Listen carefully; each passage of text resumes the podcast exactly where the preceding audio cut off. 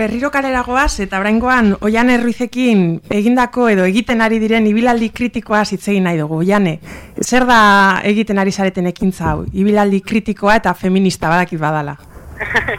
bai, hau parratzaldeon. Ba, ba, bueno, planteatu duguna da, alde zarrean, eh, espazio desberdinetatik zehar ibilaldi bat egitea, era kolektiboan, eta, bueno, zenbait ikuspegi edo, ba, pizka maiganean jarriz, ez? Bai eguzpegi feminista, antikapitalista, e, gero e, ba, bizitza, eguneroko bizitza edo eguneroko bizitzaren zareak e, ba, ikusi zelan e, bermatzen diren edo ez, espazio publiko eta kaleetan. Eta bueno, hiru taldeetan banatuta gaude, erderaz bat eta euskeraz bi, nahiko jende, laro gai bat edo batu gara, eta hemen gaude, orain unamunon. Ederto, ba, unamunon, hemen gertu gu ere bagaude, largo eta mazazpirratian. Baina, esai guzu, zelako harremana dauka orduen e, hiri baten eraikuntza edo zu arkitekta moduen, edo hainbeste disiplina bebaila badakigu ezagutzen dituzula, da herria eta pertsona eta nola ustartzen dira guzti horiek, eta berez alternatibatik.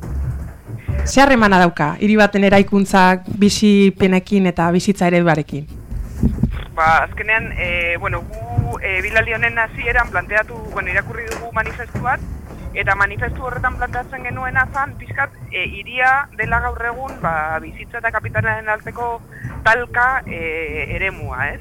Eta talka eremua da, azkenean, kapitala, e, kapitalismoan doa, e, fizikoki, nik uste e, formalizatzen ari dela irian, eta hori ikusi izan dugu bide barrieta kalean edo korreo kalean, ba, azkenean gentrifikazio e, prozesu batean, badena e, denda multinazionala dira, bertoko, bertoko bizitzarik eta bertoko e, dendak eta bizitzeko moduak eta antolatzeko erak edo harremanak e, apurtu egin direla ez. Eta, gure ustez, ba, pixkat, eszenario horren aurrean, e, alternatiben herrien ikusten nahi garen adibide eta praktika eta teoria guzti hauek, dira, ba, pixkat, aldaketarako, e, ba, nola bait, e, tresnak, ez? Eta esaten genuen hori ba, komertzioak lehen ere eki txamponaren bidetik edo ibiligarela pizkate eztabaidan eta elkarrizketan gurekidekin. Zuek eh, ikustarazi nahi dozue nola beste era batean ere eraikuntzek eta be, bizipenetan ba, joan etorriak eta non egiten ditugun erosketak eta jolasak eta gure aizialdiaren nola bizi dugun eragina duela, ez? Eta, bueno, gaur egun ba, ze, ze eragina daukan. Eta Ba, iriak aldatzea gatza da, ez? Edifizioak aldatzea. Baina nondik egon daiteke hori alternatiba hori? Batetik, hausnartu eta zuek egiten nahi zareta ikustarazi, baina nondik ikusten dozu zuek aldaketaren bidea? Ba, guk aldaketaren bidea e, ikusten dugu alde batetik, ba, jabetuz, no? jabetuz pizka bat e, iria gaur eguneko iria edo azkenengo gaita urtetan e, eman den eraldaketa e, gure esku egondan ala ez, eta pizkat e, aktibatuz ez, eta martxan jarriz, eta pentsatuz ere bai, iritar bezala badaukagula konpromesu bat lurraldearekiko, ez? Azkenean, gu hirietan bizi gara, baina lurraldeko ura lurraldetan bai. e, ematen den janaria eta hori guztia e, konsumitzen dugu balia, balia bidetzen gara lurraldeko errekurtsoetaz eta horrek bai limite bat euki behar du, ez? Eta nik uste hausnarketa potente bat egin behar dela alde hortatik, eta praktikak izan barte, ba, pizka kolektibotasunetik, eta ba, berdintasunera, eta utzen duen e, sistemak, eta, eta gauza txikiak, eta proiektu txikiak landuz, ez? Bai, eta gaurko parte hartzaien artean, zeuekin ibilbide kritikoa egin dutenen artean, ze karpen edo ze bizipen edo kontatu aldizkiguzu, pizkat, kalera joan garela zuekin batera. Ba, bueno, ba, etorri dira, harritu gara ze bilbotar gitzi dagoz, eta kanpo jende asko, ez? Baina, bueno, ba, merkatu plazan adibidez, bai egin dugu haus bat, zenola eredu aldaketa egon dan, ez? Eta orain nola, ba, gasolindegi bat ematen duela esan digute, ez? Ole. merkatu, merkatu berrie, komun restop, ez bakit, ez, ez dule ematen, alengo merkatu plazarekin konparatuta, ez? Eta gero, ba, bebai nola, e, ba, oin lehen alde zarra, ezagunen, e, ba, auzo giro hori bat zegoela, eta gaur egun ba, dendariak bai, nola prekarizatu egin lana denda berrietan, eta hor, basare horrek ezagu, no? E... Bai, eta lehen esan duzuna, be, bai, ez emotetako lokalak edo emotetako e, komertzioak bultzatzen ari diren, be, bai, ez? Claro, gero, por ejemplo, Jane Jacobs e, urbanista kanadienseren izaldi batzuk ekarri ditugu, ez? Eta e, berak aipatzen zuen asko erabilera e, nahazketa egon behar dula, ez? Ba, bizi, jan, jolastuz, kalea egon behar dula bizitzi, bizitik, lokalak, etxeak, etxeatako balkoia direla, kaleerako begiak, ebai, ez? Eta horrek informal informal bat sortu behar direla, eta nola azkenean, ba, baden da berri hauekin, edo ofizinaz bete zenbait kale, ba, kale horrek ustu egiten direla, ez, aktibidadez eta eta harreman informalez. Eta pertsonak, ez? Pertsonak ematen du ja kalean ez dugu lagon behar edo ez dakigu...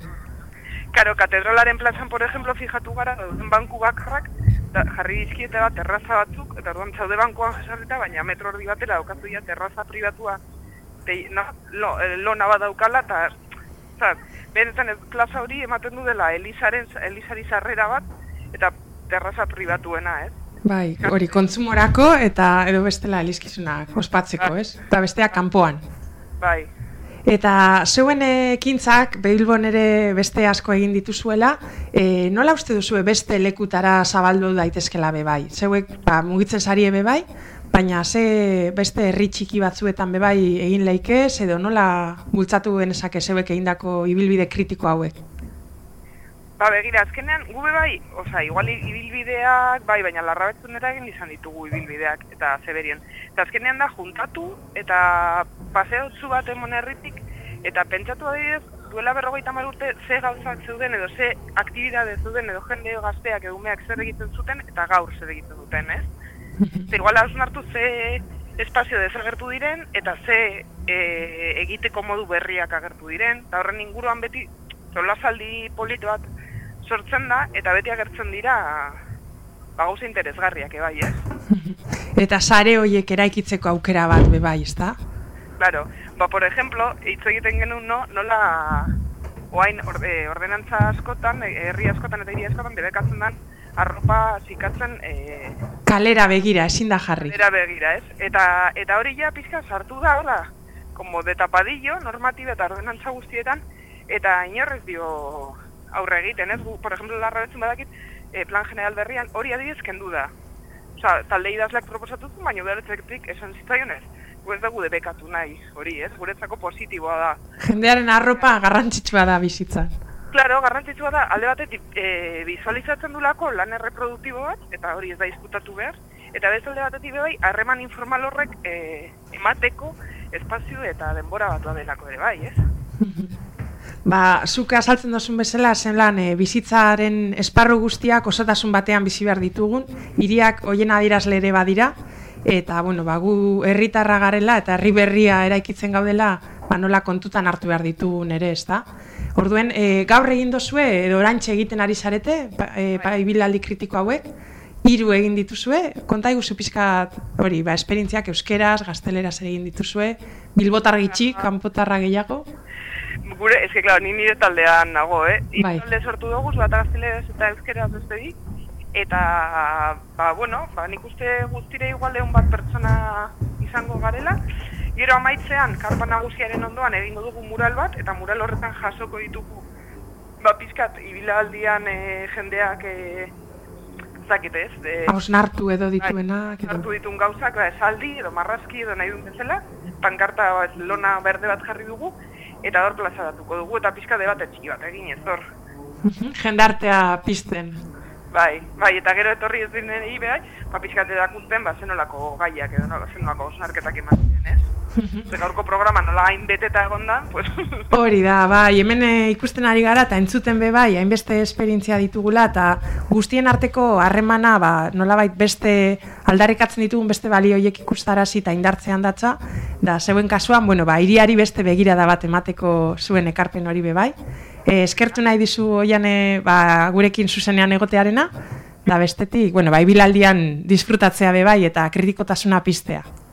Vale, hortan gaude. Vale, eskerrik asko jane. Venga, zuri. La urrengo arte.